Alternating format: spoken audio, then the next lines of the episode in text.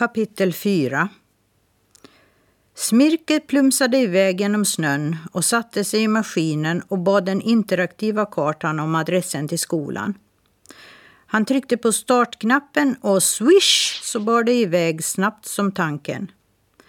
Han landade på skolgården där massor med barn just var i färd med att gå in i skolhuset. Snabbt ändrade han utseende på swish-swishen så den såg ut som en betongbänk. Sen vred han på sin luva, blev osynlig och hoppade ut på marken. Nu bar det sig inte bättre än att han halkade på en isfläck och föll omkull. Luvan flög av och han blev synlig.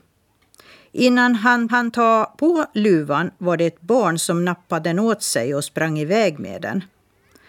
Där satt han nu fullt synlig på en skolgård där massor av barn passerade bara några meter bort. Men som tur var så såg de honom inte. Han gömde sig bakom ett cykelställ och väntade medan barnen försvann in i skolan. Sen kom han ihåg att han hade en extra luva i sin ränsel. Vilken tur att han packat ner den. Men han måste hitta sin andra luva också, för med bara en skulle det kunna bli svårt att utföra uppdragen. Har man att göra med barn och katter får man vara beredd på det mesta, det var tydligt. I samma ögonblick som det sista barnet gick in genom skoldörren smet Smirke också in.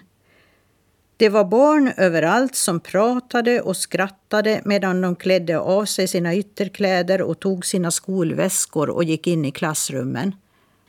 Var kunde hans luva ha tagit vägen och var fanns Kjells klassrum?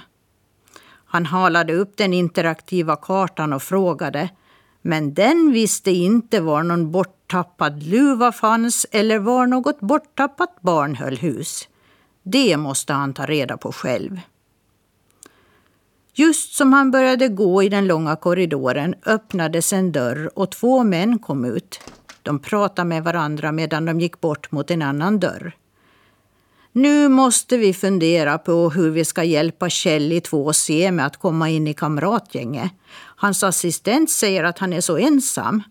Han har ju inga jämnåriga kamrater där i byn där han bor och han är väldigt ensam här i skolan också och leker sällan med de andra barnen. Ja, det har du rätt i. Vi ska försöka hitta en lösning på det nu innan jullovet. Smirke lyssnade uppmärksamt. Var det hans Kjell de pratade om, då hade han fått reda på i vilket klassrum Kjell fanns och att det fanns flera än han som försökte hjälpa pojken. Vad bra!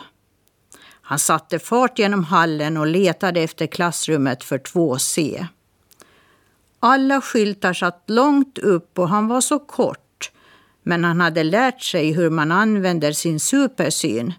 Så till slut hittade han dörren. Han kunde höra svaga ljud där innanför. Det lät som sång och någon som pratade. Efter ett tag öppnades dörren av en liten flicka som glömt sin bok utanför. Då passade Smirke på att smita in. Det fanns bord och stolar i rummet och många barn. Framme vid svarta tavlan stod en ljusstake på ett bord. Av de fyra ljusen var ett tänt.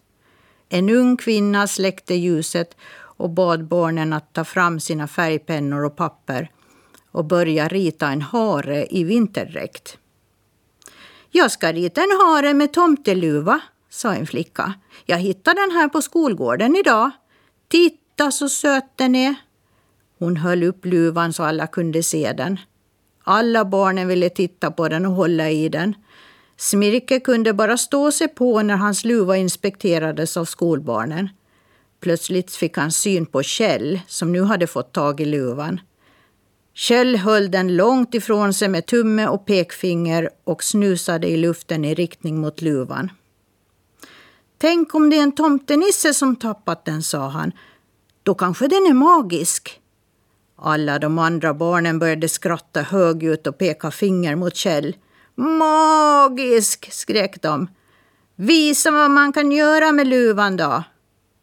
Nu får det vara nog, sa läraren och tog luvan från Kjell.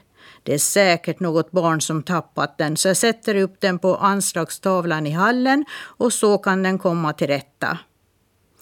Fortsätt med era teckningar medan jag gör det. Så gick hon ut i hallen, tätt följd av Smirke. Hon stannade vid en stor anslagstavla och nålade fast luvan där och sen gick hon tillbaka till klassrummet.